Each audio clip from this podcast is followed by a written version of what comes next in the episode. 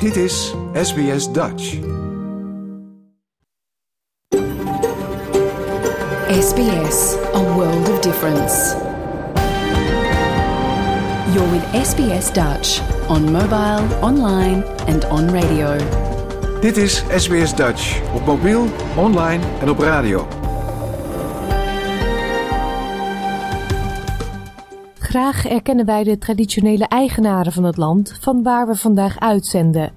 SBS Dutch betuigt haar respect aan de Camaragal mensen en hun ouderlingen uit het heden en het verleden. Ook erkennen we de traditionele eigenaren van alle Aboriginal en Torres Strait Islander landen van waar u vandaag naar ons programma luistert. Hele goede morgen. Mijn naam is Paulien Roesink. Het is woensdag 22 februari 2023 en u luistert naar SBS Dutch, het Nederlandstalige radioprogramma van SBS. In deze uitzending duiken we weer in de geschiedenis van Australië met historica Ingeborg van Teeseling.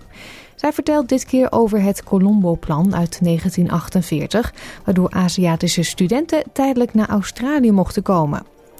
Met leesconsulente Larissa de Ru bespreken we onder meer de ophef over de aanpassingen in Roald Dahl-boeken. In een nieuwe SBS Settlement Guide staan we stil bij de Australische Superannuation. En ook Eurovisie Songfestival nieuws, want de Australische inzending is bekendgemaakt. Dat en muziek allemaal straks. Nu eerst het nieuws.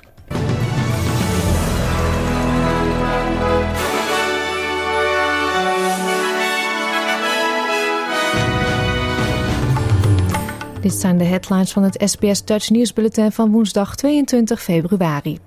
Spionagechef van Australië waarschuwt voor een ongekende dreiging. Vladimir Poetin schort Ruslands laatste kernwapenverdrag met de VS op. En president Biden spreekt in Polen.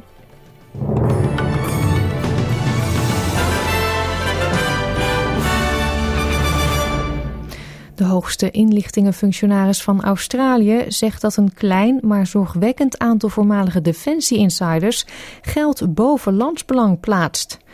Mike Burgess, de baas van de Australian Security Intelligence Organization, heeft in zijn laatste jaarlijkse dreigingsevaluatie onthuld dat zijn bureau al jarenlang veteranen volgt die bereid zijn hun militaire training en expertise te verkopen aan buitenlandse regeringen. Hij waarschuwt dat buitenlandse agenten geprobeerd hebben om vooraanstaande Australische journalisten en mogelijk leden van de rechterlijke macht te recruteren. De kwestie kwam onlangs onder de aandacht nadat media berichten dat westerse piloten door China waren benaderd om zijn leger te trainen. Burgess zegt dat Australië geen buitenlandse spionage tolereert. Based on what ASIO is seeing, more Australians are being targeted for espionage and foreign interference than at any time in Australia's history. More hostile foreign intelligence services, more spies, more targeting, more harm, more ASIO investigations, more ASIO disruptions. And from where I sit, it feels like hand-to-hand combat. Premier Anthony Albanese zal vandaag de National Press Club in Canberra toespreken, waar hij naar verwachting de AUKUS-alliantie zal onderschrijven en zal hinten op mogelijke verdere investeringen in de Australische defensiemacht. Vorige week kreeg de regering het Defence Strategic Review rapport overhandigd, een evaluatie van zes maanden waarin de capaciteit van de Australische strijdkrachten is beoordeeld. De evaluatie werd uitgevoerd door voormalig hoofd van de defensiemacht Sir Angus Houston en voormalig minister van Defensie Stephen Smith. Het AUKUS-verdrag van Australië met de Verenigde Staten en het Verenigd Koninkrijk zal naar verwachting een grotere rol gaan spelen. Een niet geclassificeerde versie van het rapport en de reactie van de regering hierop zal naar verwachting voor de begroting van mei worden vrijgegeven. Extreme weersomstandigheden blijven grote delen van het land teisteren. In de buurt van Flowerdale, ten noordoosten van Melbourne, probeert de brandweer met blusvliegtuigen en vanaf de grond met zo'n 200 man een grasbrand te bestrijden. Er is een noodwaarschuwing afgegeven en bewoners is verteld dat het te laat is om te vertrekken en dat ze onmiddellijk moeten schuilen. Ondertussen heeft hevige regenval grote delen van Sydney geteisterd.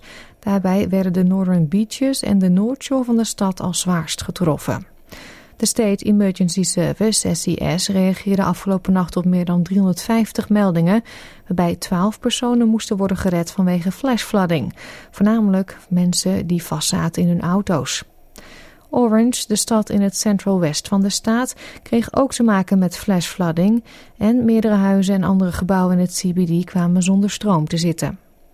In South Australia kampt men nog steeds met een hittegolf en daar geldt code rood, zodat mensen die op de straat slapen noodopvang geboden kan worden. In Adelaide wordt het vandaag maximaal 38 graden.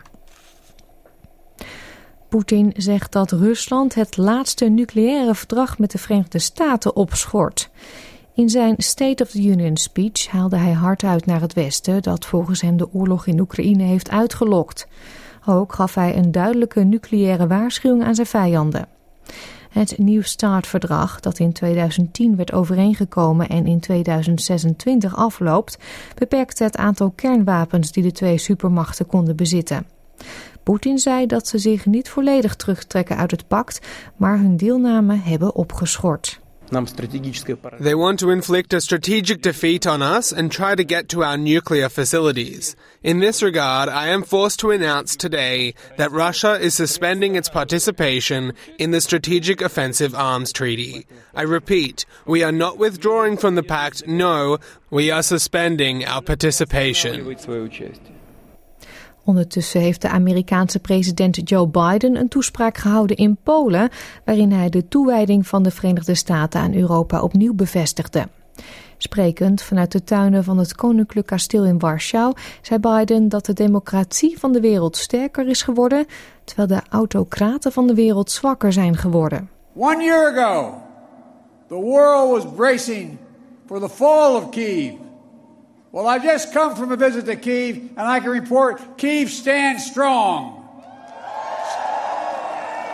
Kiev stands proud. It stands tall. And most important, it stands free. Aanstaande vrijdag is het precies een jaar geleden dat Rusland Oekraïne binnenviel.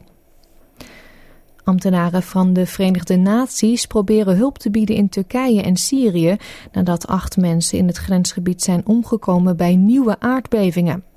Het epicentrum van de beving, met een kracht van 6,4 op de schaal van Richter, lag op zo'n 10 kilometer diepte bij de Zuid-Turkse stad Antakya. Twee weken geleden werd de regio ook getroffen door een aardbeving. Daarbij zijn bijna 50.000 mensen omgekomen. De coördinator van het Bureau voor Humanitaire Zaken van de VN zegt dat op dit moment voedsel en geld de meest noodzakelijke items zijn. We are trying to provide humanitarian assistance for those who are most in need. Just to give you a bit of figures of what's happening, only yesterday from earthquake, we had 195 civilians who had been reportedly injured uh, from Aleppo and Idlib, according to the initial reports.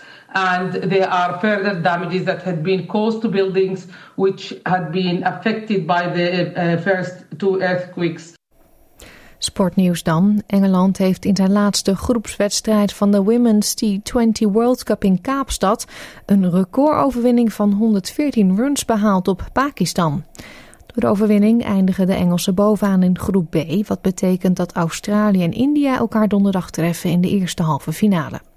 De ploeg van Heather Knight had zich al gekwalificeerd voor de halve finale, maar hield zich niet in en werd de eerste ploeg die op het toernooi meer dan 200 scoorde in een innings. De wisselkoers dan voor 1 Australische dollar krijgt u 65 eurocent en 1 euro is op dit moment 1,54 dollar waard.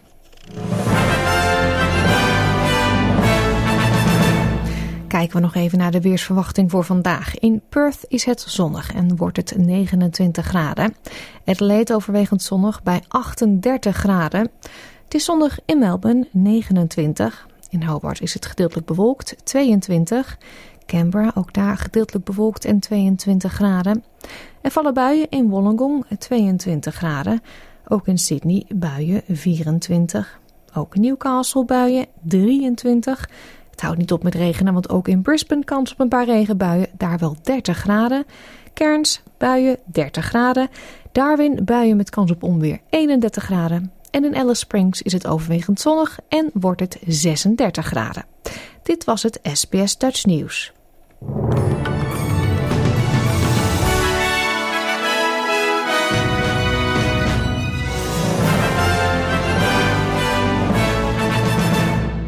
Nogmaals een hele goede morgen en hartelijk welkom bij SBS Dutch. Fijn dat u er weer bij bent.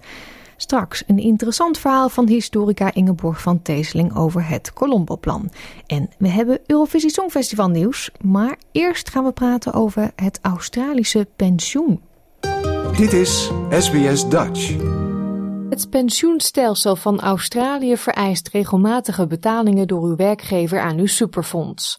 In deze aflevering van de SBS Settlement Guide bekijken we hoe je erachter kunt komen of je super bent kwijtgeraakt en hoe je dit kunt herstellen. Ook hoort u wat er gebeurt met uw pensioen als u naar het buitenland verhuist of komt te overlijden.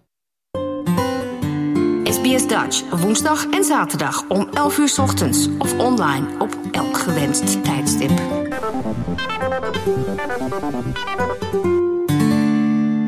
Superannuation of super is het geld dat gedurende uw werkzame leven door uw werkgever opzij wordt gezet en dat u uitgekeerd krijgt als u met pensioen gaat. Uw werkgever is verplicht een percentage van uw inkomsten op uw superaccount te storten en uw superfonds belegt het geld tot u met pensioen gaat. In Australië zijn er regels om ervoor te zorgen dat mensen hun pensioenspaarpotje niet definitief verliezen, zelfs als een rekening inactief is geweest.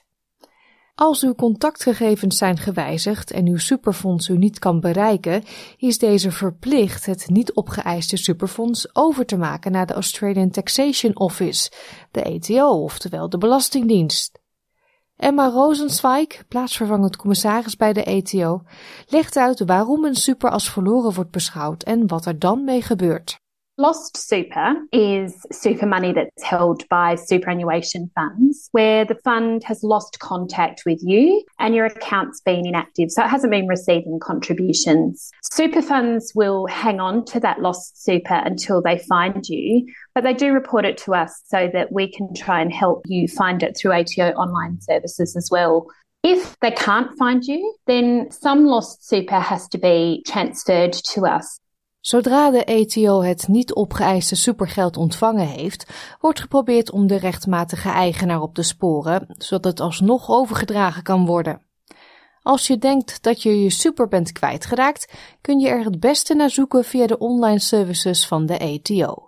Maar om te beginnen is het natuurlijk essentieel om uw contactgegevens up-to-date te houden. If people do think that they've got some lost super or that we might be holding super money for them and you can't find it in ATO online, it might be that we haven't got all your details or information. So, something people can do is to contact any previous funds they think they've held accounts with and make sure that all their contact details and bank account details in ATO online services are as up to date as possible.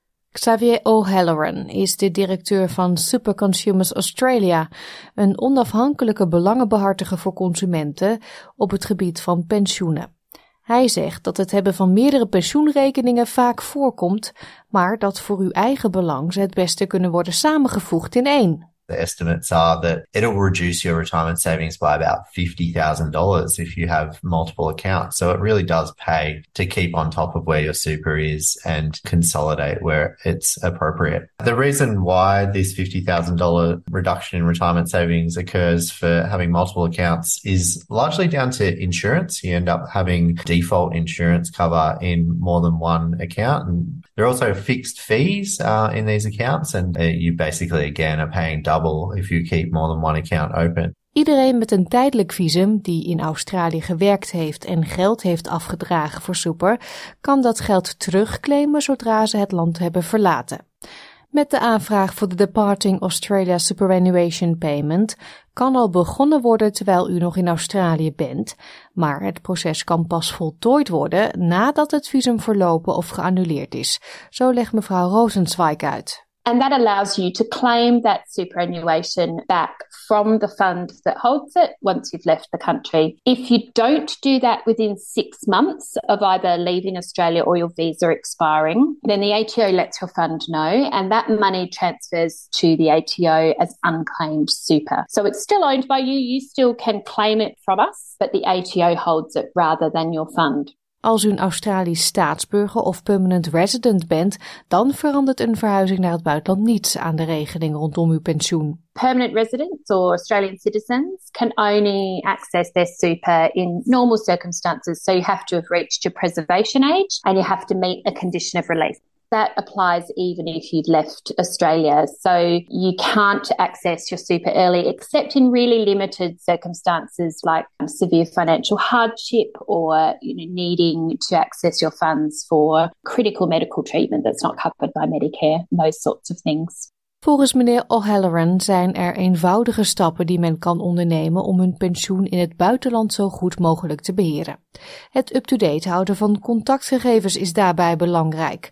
Ook suggereert hij dat mensen de prestaties en kenmerken van hun fonds in de gaten moeten houden. It's a good time to check in to see if you're in a high performing fund. The ATO again has a really good resource to help you out with that called the Your Super comparison tool, which allows you to compare a lot of the basic products on the market by the fees and performance that they deliver. Also worthwhile checking with your super fund as to whether your insurance will protect you while you're working overseas too. A lot of people don't realize that they've got insurance by default in their super fund. Um, so ask your fund whether that will continue to protect you. Controleer ook of u geen onnodige kosten betaalt en blijf geld storten. The average fee on the market, if you've got about a $50,000 balance, would be about 1% per annum that you'd be paying out each year in fees. There are definitely offers on the market that are a lot less than that. They're closer to half a percent. So it's worth shopping around to make sure that you're in a really low fee account and your savings aren't eroded while you're overseas. And of course, you can look to continue to contribute and make sure that your retirement savings continue to grow even if you've moved to another country. Ook is het aan te raden om vast te leggen wie uw super krijgt in het geval van overlijden. Als uw gezinssituatie verandert, kunt u die begunstige lijst aanpassen, evenals welk percentage u aan wie achterlaat.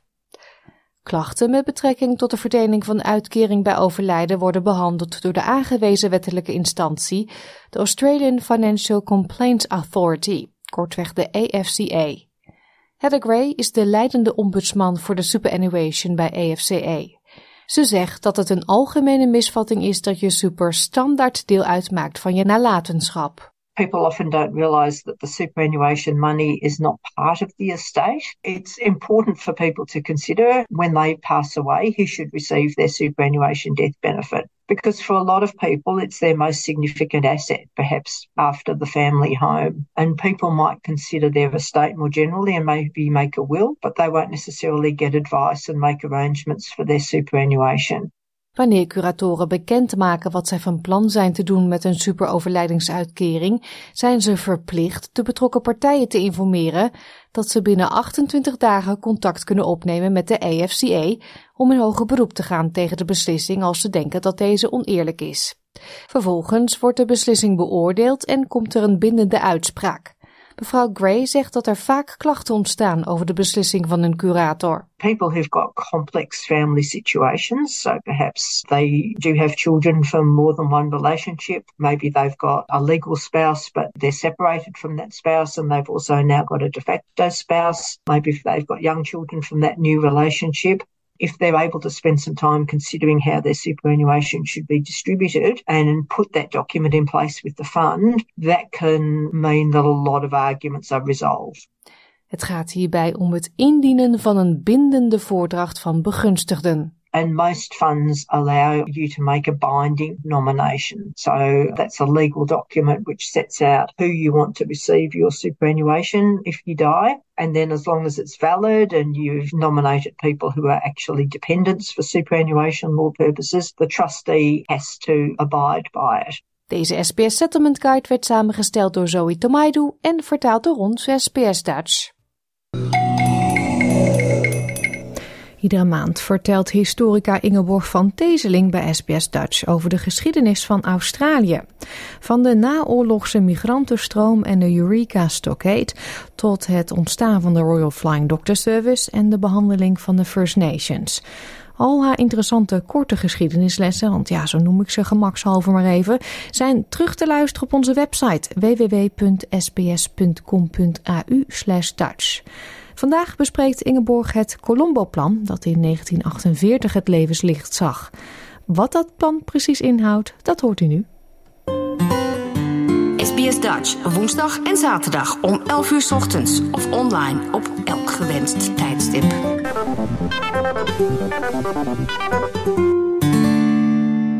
...2023 is volgens jou, Ingeborg, een jaar waarin veel historische momenten herdacht zullen worden. En we beginnen daar ook maar gelijk mee met het Colombo-plan. Wat is dat precies?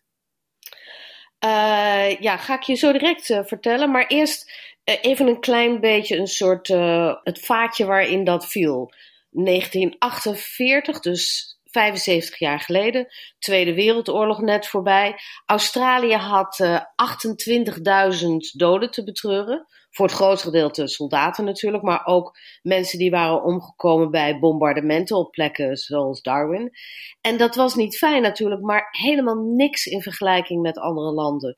Rusland bijvoorbeeld had 11 miljoen soldaten verloren en ongeveer 10 miljoen burgers.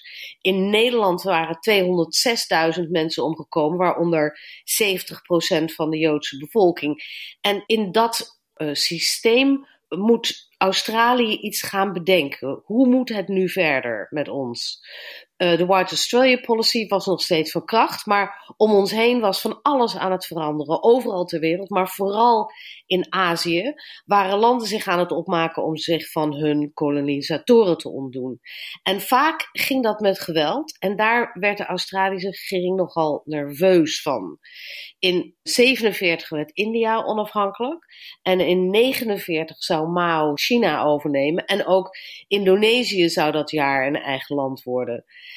Minister-president Ben Chifley realiseerde zich dat er honderden miljoenen mensen in Azië woonden die voor het grootste gedeelte arm waren en ook nogal boos.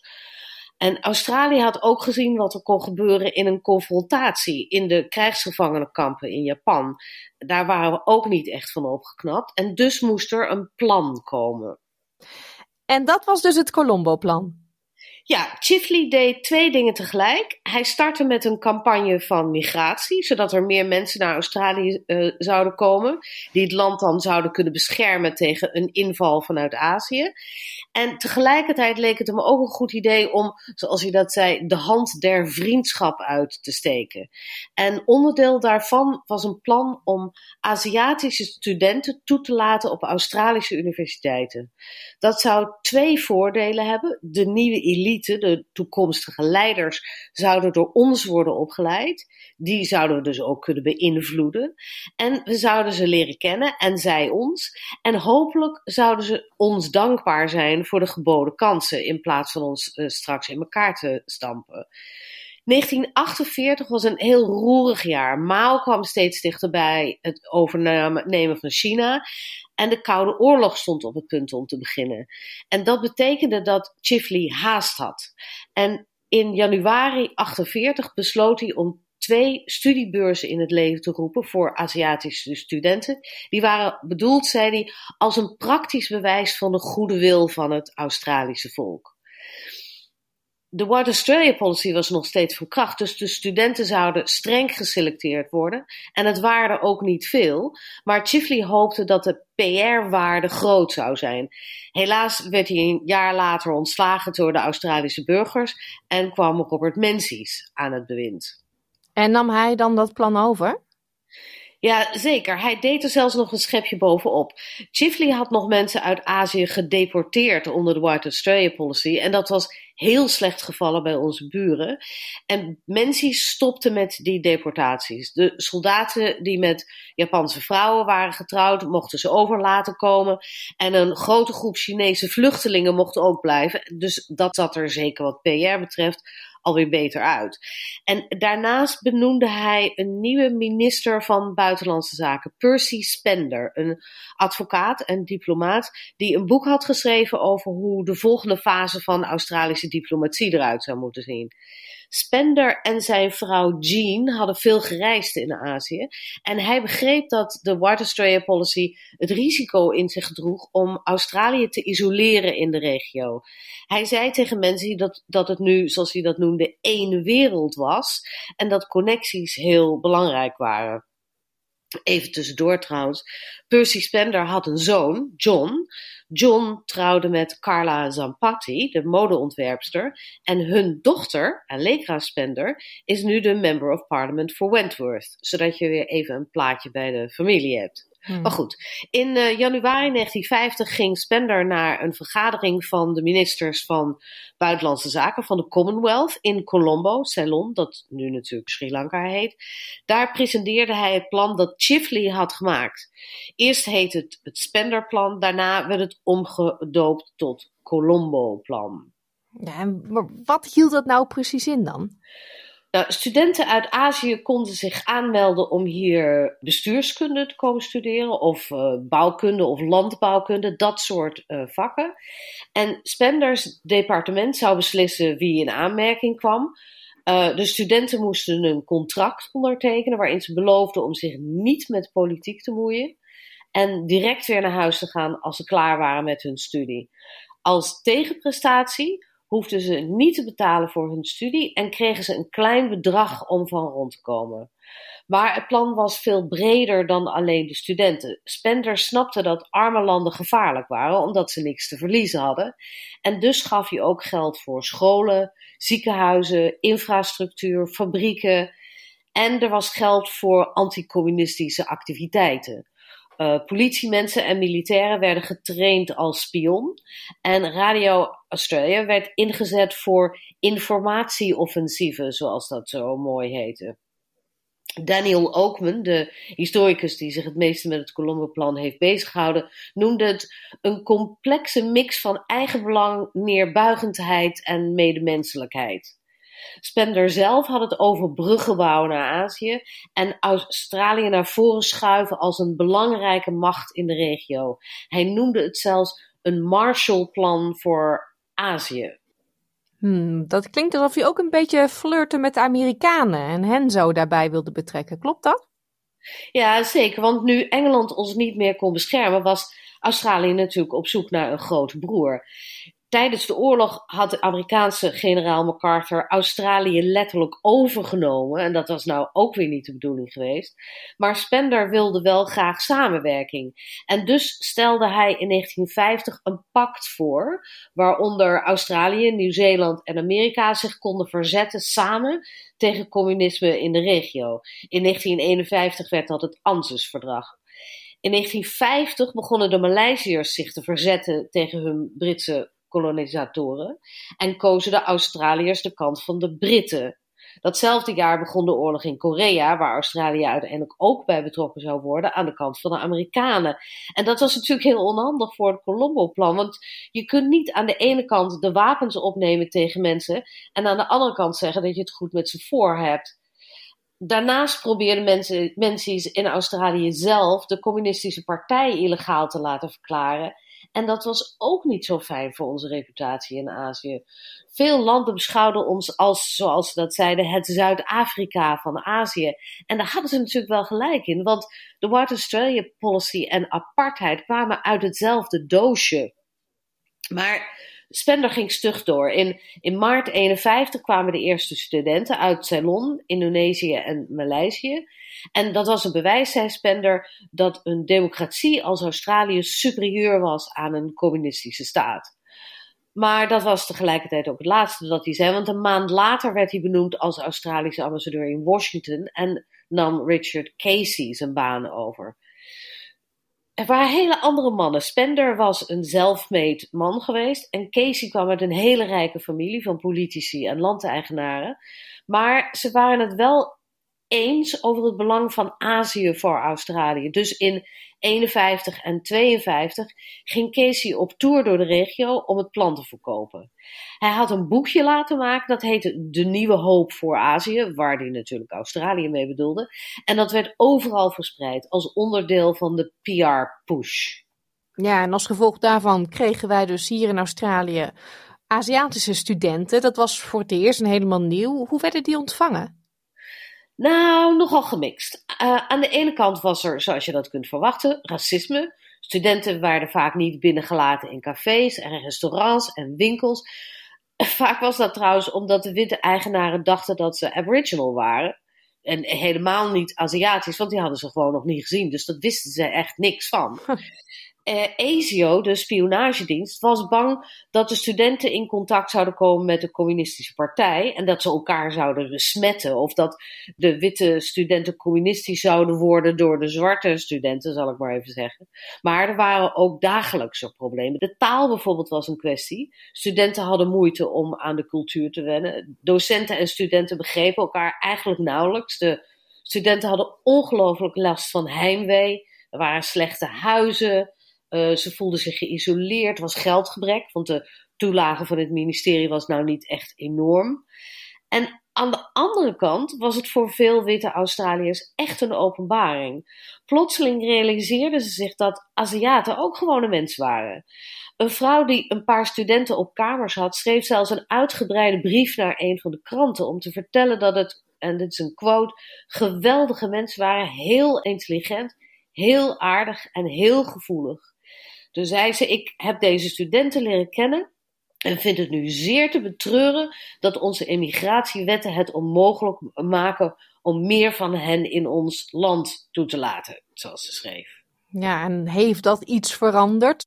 Ja, eigenlijk wel. Op, of in ieder geval op allerlei manieren. Om te beginnen leerden de Australiërs wennen aan meer mensen met een ander kleurtje.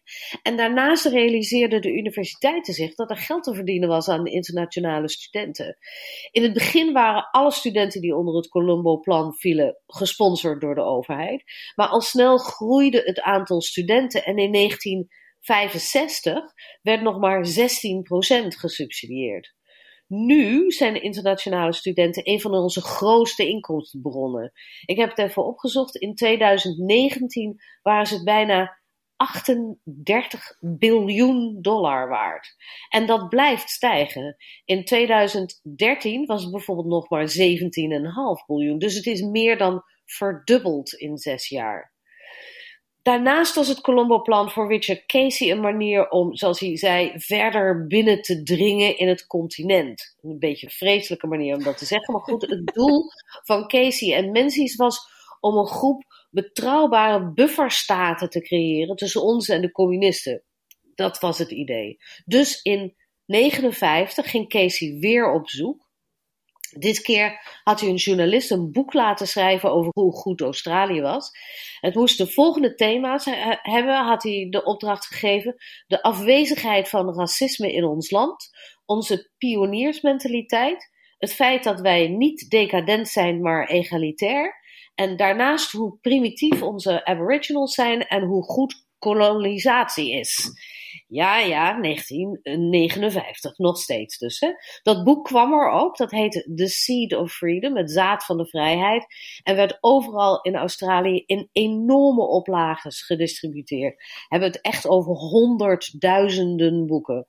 Het enige probleem was dat de schrijver, Osmar White, een oorlogscorrespondent, datzelfde jaar ook een rapport schreef dat nogal negatief was over het Colombo-plan. Hij had het over corruptie en verspilling, mismanagement en idiote bureaucraten. Dat rapport verdween in een la natuurlijk. Natuurlijk, ja. Ehm, als we optimistisch blijven, kunnen we dan zeggen dat die aanwezigheid van studenten uit Azië wel de ideeën van veel witte Australiërs heeft veranderd? Ja, en daar moeten we eigenlijk toch Richard Casey voor prijzen. Als onderdeel van Columbo had hij een soort ontmoet de buren plan opgesteld, zodat ze studenten, zoals hij dat zei, de gemiddelde werkende man in zijn eigen huis konden ontmoeten. Geen vrouwen natuurlijk. Er werd van alles georganiseerd, ook door middenklasse clubs zoals de Rotary en de Country Women's Association. Picnics en feesten en danspartijen, allerlei uitjes.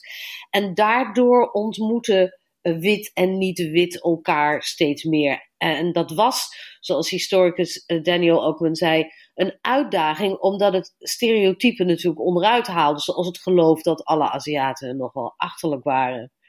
Er veranderden dus zeker dingen, maar aan de andere kant bleef de White Australia Policy gewoon bestaan.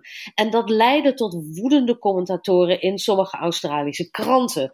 De Times of Indonesia bijvoorbeeld zei dat het Colombo-plan een soort alibi-programma was. Zelfs, en dit is een prachtige quote, bloedgeld waarmee Australië haar slechte geweten wilde afkopen. Aan de andere kant de aanwezigheid van meer en meer studenten deed Australië eigenlijk veel goed. In 1954, voordat het plan echt begon te werken, was 61% van de Australiërs tegen Aziatische migratie. Tien jaar later was het percentage maar 16. Vandaar ook dat historici, ondanks alles, het toch een van de beste voorbeelden noemen van wat tegenwoordig soft power heet. En Australië is er nu bijna aan gewend dat het geografisch gezien gewoon onderdeel van Azië is. We zijn er nog niet natuurlijk, maar zonder het Colombo-plan had het misschien nog wel langer geduurd. Ingeborg, dit is weer zo interessant. Ik uh, kijk weer uit naar de volgende maand. Dankjewel. Graag gedaan.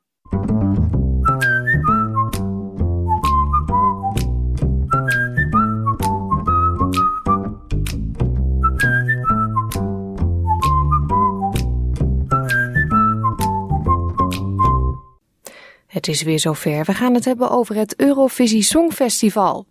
Want voor het eerst stuurt Australië een band naar het Songfestival. De pop metalgroep Voyager reist dit jaar af naar Liverpool. Vorig jaar kwam ze net tekort en eindigde ze bij het publiek als tweede tijdens de voorronde, beter bekend als Australia Decides. Have you ever done anything like this before? Have you ever done anything like this before? If you've never done anything like this before, then you haven't been alive. Have you ever shut all the open doors? Have you ever just walked out on your own? Have you ever just lost your mind when you try to unwind? Or are you coming right back for more? In 2015 nam Australië voor het eerst deel aan het Eurovisie Songfestival, maar tot nu toe hebben alleen solo-acts het land vertegenwoordigd. Nu is de West-Australische groep Voyager dus aan de beurt. U hoort Emily Griggs, hoofd van de delegatie voor Eurovision Australia. Voyager have been entering song after song, year after year, and I just feel like this year is their year. This is their moment to shine. Voyager eindigde vorig jaar tijdens Australia Decides net achter zanger Sheldon Riley, die vervolgens deelnam aan het Eurovisie Songfestival van 2022 in Turijn.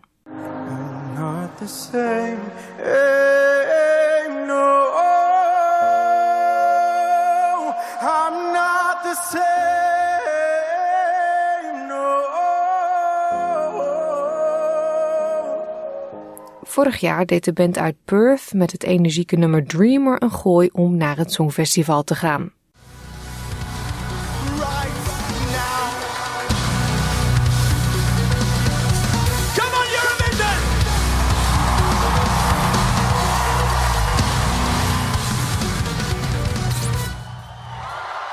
Voyager bestaat uit bandleden Danny Astrin, Simone Dole, Alex Canyon, Ash Doodkorte en Scott Kay. Emily Griggs zegt dat de band een jaren 80 sfeer creëert en dat hun muziek pakkende teksten heeft. Look, they're going to bring something different that Australia has never um, entered before. So Australia, we've always had some incredible solo acts, and this year we're submitting a band. And I think just that alone is a huge difference. Een groep waarbij SBS en productiepartners betrokken waren, heeft de band uitgekozen om mee te doen aan het Songfestival en dus gaat de uitzending van Australia Decides dit jaar niet door. Oekraïne won de liedjeswedstrijd vorig jaar in Italië, maar kan deze editie niet organiseren vanwege het conflict met Rusland. Daarom wordt uitgeweken naar het Verenigd Koninkrijk. De halve finales van het Eurovisie Songfestival vinden plaats op 9 en 11 mei. En de grote finale is op 13 mei. Allemaal natuurlijk te volgen bij SBS. Dit verhaal werd gemaakt door Stephanie Corsetti voor SBS Nieuws en door SBS Dutch vertaald in het Nederlands. De kinderboeken van Roald Dahl zijn de afgelopen dagen volop in het nieuws. Aanleiding is de aankondiging van de Britse uitgerijf Puffin dat het honderden passages in de boeken heeft gewijzigd, zodat iedereen kan genieten van het werk van Daal. Eerder deze week sprak ik met onze leesconsulente Larissa Dru onder meer die legde onder meer uit wat voor passages er veranderd zijn en hoe daar in Nederland op is gereageerd. Jouw gemeenschap, jouw gesprek, SBS Dutch. Nou, gingen wij het deze maand over klassiekers hebben. En nou ja, volgens mij hadden we geen uh, betere actuele aanleiding kunnen hebben, Larissa. Ja, hoe grappig. We gaan het over klassiekers hebben en ineens zitten we helemaal in de actualiteit. ja, want uh, Roald Dahl, die boeken die zijn een beetje herschreven of er zijn ja. woorden veranderd. Vertel eens, jij weet daar meer van als boekenexpert. Ja, grappig dat het inderdaad en hier en ook in Australië natuurlijk, uh, dat geeft wel aan hoe tijdloos en klassiek en bekend de boeken van Roald Dahl zijn. Maar in ieder geval, ze hebben ze weer opnieuw gelezen. En ze hebben de boeken nu ook uh, specifiek door een bepaalde groep mensen laten lezen. En heel erg scherp kijkend of er stukken in de boeken zitten die aanstootgevend zouden kunnen zijn voor bepaalde uh, mensen. Uh, natuurlijk in uh, oog van wat er allemaal in de samenleving aan het veranderen is. En ja, daar zijn dus stukken in herschreven. Bijvoorbeeld de Oompa Loompa's. Uit Jackie en de chocoladefabriek zijn nu niet meer uh, kleine mannetjes, maar kleine mensen. Maar het gaat inderdaad ook over um, wereldbeeld in de heksen. Wordt gesproken over kale, lelijke vrouwen. En daar is bijvoorbeeld aan toegevoegd dat er ook kale vrouwen zijn die daarvoor kiezen en die nog steeds heel mooi zijn. Dus dat soort dingen. Ja, hoe wordt daarop gereageerd in Nederland? Ja, uh, in de boekenwereld wel intens. Je bent gewoon gewend met dit soort klassiekers die al zoveel jaren geleden uitgegeven zijn, dat daar op een gegeven moment veranderingen in doorgevoerd worden. En dat heeft met name met taalgebruik te maken dat ja, veroudert. Dus dat ben je wel gewend. Maar dit is wel vanuit een andere insteek. Ik moet zeggen, ik heb nog niet heel veel uh, mensen gesproken die niet heel erg in het boekenvak zitten. Ik heb het natuurlijk wel met mijn collega's over gehad. Uh, en op social media groepen die ik dan volg, daar ja, is eigenlijk iedereen wel vrij gepikeerd over deze aanpassingen. Dit is natuurlijk een Britse uitgeverij die dit bekend heeft gemaakt. Je zou denken dat um, de uh, nazaten van Daal hiermee bij betrokken zijn geweest en die akkoord hebben gegeven. Ja, dat zat ik me ook inderdaad nog af te vragen. Ik heb ergens iets voorbij uh, zien komen van dat het heeft te maken met auteursrechten die op een gegeven moment vervallen. Um, waarin dat dan veel vrijer is om aan te pakken. Ja, die beste man draait zich misschien wel om in zijn graf nu. Die denkt, wat doen ze nu? Ik denk het wel, ja. Want voor, hij, ja, hij heeft altijd zo'n passie gehad voor dat fantasierijke opzoeken, dat gekke, niet bestaande. En ja, haal je dat nu niet in essentie uit een deel van de boeken? Dat ja, vind ik heel lastig. Ja, want het gaat ook om woorden als lelijk en dik en eigenlijk niet hele gekke woorden. Nee, ik denk dat is ook gebruikt en het zit ook wel heel erg gewoon in zijn verhalen dat het allemaal um, ja, uitvergroter is. En um, ik denk dat het ook heel goed is om op die manier geprikkeld te raken. En dan juist erover in gesprek te gaan in plaats van het eruit te halen. En ik denk ook als je lelijk hoort als kind. De ene die, die, die verbeeldt zich heel iets anders in dan de ander. Je ziet niet één standaard iemand dan voor je. Dan ga je in je verbeelding, dan, dan zie je wat voor je. Dat is per persoon anders natuurlijk. Ja, en dat is juist ook zo leuk. En dat vind ik juist heel waardevol. Ik doe dat op mijn werk ook vaak met dat we als dat kinderen als klas eenzelfde boek lezen. En dat we juist dat soort tekenopdrachten en erover praten met elkaar. Om erachter te komen dat uh, als je een boek leest dat op een eiland afspeelt, dat de een het gevoel heeft dat hij op Terschelling is. En de andere die uh, denkt, nee, ik ben in Indonesië geweest en dat is het eiland daar. En die verwondering over, hé, hey, we hebben ditzelfde gelezen, maar mijn beeld in mijn hoofd is compleet anders. Um, ja, dat vind ik altijd het goud waard. Omdat het zoveel zegt over hoe je de wereld ziet en wat je ook van een ander kan leren. Juist door erover te praten had je dat anders niet ontdekt. Nee. Wat is eigenlijk je favoriete Roald Dahl boek? De GVR. ja. Ja, ja, ik heb daar. Maar ik moet dan eigenlijk wel eerlijk bekennen dat ik vooral die film, toen ik heel klein was, was er een film op tv. Ja, de animatie. Die kan ik me nog zo goed herinneren. Die heeft indruk gemaakt. Ik heb het even opgezocht. Het is uh, uitgekomen in 1989. Um, ja, ik heb daar ook hele warme herinneringen aan. Het was voor ons eigenlijk altijd vaste prikken rondom kerstmis. Ja, dat, het had zoiets magisch natuurlijk. En um, ik heb het nog geprobeerd uh, aan mijn. Ik ben ondertussen met mijn oudste dochter hebben we de film gekeken. Maar dat is dus inderdaad de Steven Spielberg versie van 2016. Ook leuk. Ook leuk, ja. Maar ik heb haar dus nog geprobeerd. We hebben hem nog aangezet, de animatiefilm. Maar hij kwam maar niet meer door. echt, maar papa en mama willen deze echt graag zien. Ja, deze is echt heel mooi. Ja. ja. Ja, en ik denk dat dat meteen heel veel zegt over um, hoe de wereld wel verandert en waar je op aanspreekt. Maar ja, iedereen kent dit boek nog. Uh, als ik in de schoolbibliotheken ben, vraagt iedereen nog om de GVR, omdat er ook gewoon door ouders met zoveel warmte en passie over dat boek verteld wordt. Maar ook omdat het verhaal gewoon, ja, juist door die fantasie, maar ook de dingen die erin spelen, ja, die blijven herkenbaar. Dus ja, de GVR is wel echt mijn persoonlijke favoriet. Om, omdat het zo heel grappig met taal is natuurlijk.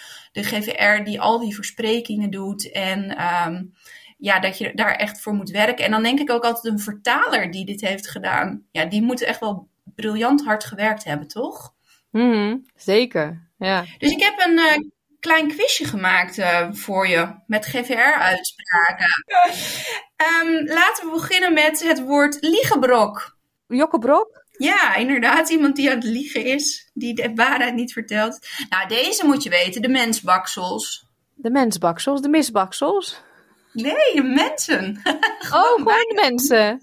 Um, grijzelijk. Oh, is het dan afgrijzelijk? Ja, een combinatie tussen afschuwelijk en afgrijzelijk. En deze, die vind ik dat we gewoon moeten gaan gebruiken. De kullekots. Zeg me niks. Onzin. Het is, en dan heb je vooral door dat het uh, met dat soort woorden die je zelf nog niet kent, heel erg gaat om de context. Ik zal u namelijk ook nog een stukje voorlezen, waarin dat soort woorden ook voorkomen, maar waar het ineens veel duidelijker is waar het over gaat. Het is het moment dat Sophie erachter komt dat de grote vriendelijke reus geen uh, mensen eet, zoals zijn soortgenoten. Nou, daar ga ik uh, beginnen. Maar als jij dan geen mensen eet, zoals de anderen, zei Sophie, waar leef je dan van? Dat is een alle deksels moeilijk probleem hier, antwoordde de GVR. In dit beslabberde reuzenland groeit gewoonweg geen vrolijke vruchten zoals ananassen en lachenbekjes. Er groeit hier niks, behalve een vreselijke akkibakkie rotgroente. Hij heet snoskommer. Snoskommer, riep Sophie, die bestaat niet. De GVR keek Sophie aan en glimlachte ongeveer twintig van zijn vierkante witte tanden bloot. Gisteren, zei hij, geloofden wij niet aan reuzen, hè? Vandaag geloofden wij niet aan snoskommers. Alleen omdat we toevallig iets niet zelf gezien hebben, heeft met onze eigen koekeloertjes, denkt we dat het niet bestaat. Hoe zit het dan, om maar eens wat te noemen, met de grote kwistige winkelpoot? Wat zeg je? vroeg Sophie. En met de grasgarnaal? Wat is dat? vroeg Sophie. En de trapkrabber? De wat? vroeg Sophie. En de schurfsluiper? Zijn dat dieren? vroeg Sophie. Dat is de doodgewoonste dieren, zei de GVR minachtend. Ik is zelf niet zo'n erge weetalreus, maar het lijkt dat jij wel een erg weet niks mensbaksel is. Jouw hoofd zit vol vaagsel. Zaagsel bedoel je, zei Sophie. Wat ik bedoelt en wat ik zeg zijn twee verschillende dingen, zei de GVR uit de hoogte. Nu zult ik jou een snoskommer laten zien. Wat een mooie woorden en toch begrijp je het meeste wel. Ja, grappig is dat hoe het werkt. Hè? Je hoort ook nooit iemand die zegt de GVR, dat lees ik niet voor, want de woorden zijn te gek en te lastig. Nee. Leuk om er weer even een stukje uit te horen. Ja. Op naar de volgende klassieker. Ja, laten we dat doen. Dat uh, is De Brief van de Koning van Tonke Dracht. Hier is hij nu het meest bekend omdat er een Netflix-verfilming van is gemaakt. Dat is gebeurd in 2020. Um, dus hij, het boek is bijvoorbeeld ook opnieuw uitgegeven met dezelfde voorkant als de Netflix-verfilming. Um, dat werkt dan altijd heel goed. Maar het oorspronkelijke boek, moet ik heel even op mijn speakbriefje kijken hoor, is uit 1962. Dus als je het hebt over echt klassiekers, um, dan heb je er hier wel een te pakken. Het boek is hier ook uitgegeven in de jaarlijkse actie Geef een boek cadeau. Um, dat is een initiatief van uh, de Nederlandse boekhandels en de Nederlandse overheid, omdat zij vinden, ze hebben als missie dat kinderen in Nederland en Vlaanderen allemaal een bepaalde basiscollectie aan klassieke boeken moet hebben. En daarom kun je dan één keer per jaar voor een heel klein bedrag uh, zo'n klassiek verhaal kopen in de boekwinkel. Dat is meestal rond een euro of drie. En de brief voor de koning was dat een aantal jaar geleden. Dus toen zijn ook heel veel scholen en ouders daar weer aandacht aan gaan besteden om hem voor te lezen. Maar ja, de brief voor de koning uit 1962 dus. Um, er zijn ondertussen 54 drukken van dit boek geweest. En het is vertaald in 30 talen. Nou, dan heb je toch echt wel een uh, klassiek tijdloos verhaal. Tonke Drag, die het geschreven heeft, is ondertussen 92, maar heeft toch een jaar of anderhalf geleden nog een boek uitgebracht.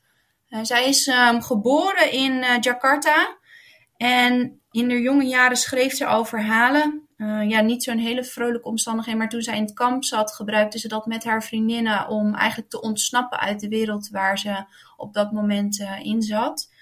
En later is ze naar Nederland verhuisd en um, uiteindelijk is ze lerares, tekenlerares op een middelbare school geworden. En verhalen vertellen gebruikte ze daar om ervoor te zorgen dat de leerlingen zich konden concentreren op de tekenopdrachten die ze had. Nou, geestig. Ja, die korte verhalen die ze vertelde aan de kinderen zijn op een gegeven moment in een verhalenbundel uitgebracht. En vrij snel daarna um, heeft ze haar eerste boek uitgebracht. Dit boek, De Brief voor de Koning, was dus het tweede boek dat ze heeft uitgebracht. En in 2008 is het ook al eens verfilmd. En in 2013 is het dus in het Engels vertaald. Toen uh, was daar ineens heel veel aandacht voor. Ja, en voor wie het niet kent, het verhaal uh, gaat over Tiori. Een uh, jongen die eigenlijk um, bijna ridder wordt en die dan een opdracht krijgt Um, verklapt er niks aan, want de, de, titel is natuurlijk De Brief voor de Koning. Die opdracht heeft te maken met die brief die naar de koning moet. En hij heeft een hele lastige missie. En je gaat helemaal mee in dat verhaal, hoe die brief uiteindelijk wel of niet bij die koning terechtkomt. Maar wat ik zo mooi vind aan dit verhaal, als je het hebt over klassiekers en eventueel dingen herschrijven. Dit verhaal zit bomvol met allemaal uh, vakjargon uit de middeleeuwen. Er komen monnikenpijen voorbij en uh, vizieren die niet worden opgeslagen. En uh, ja, toch snapt iedereen waar het verhaal over gaat. Ik ben het nu aan het luisteren met mijn dochters van 10 en uh, 7. Ja, en die zitten er ook helemaal in. Dus we genieten echt zo ontzettend van het verhaal. En uh, ja, soms zeggen ze ook wel, goh, wat is dat? Of dan ga ik het zelf uitleggen. Maar het idee van die spanning en dat betoverende, ja, dat blijft gewoon overeind. Dat is gewoon ja, ik vind dat echt magisch. Knap hè? Ja.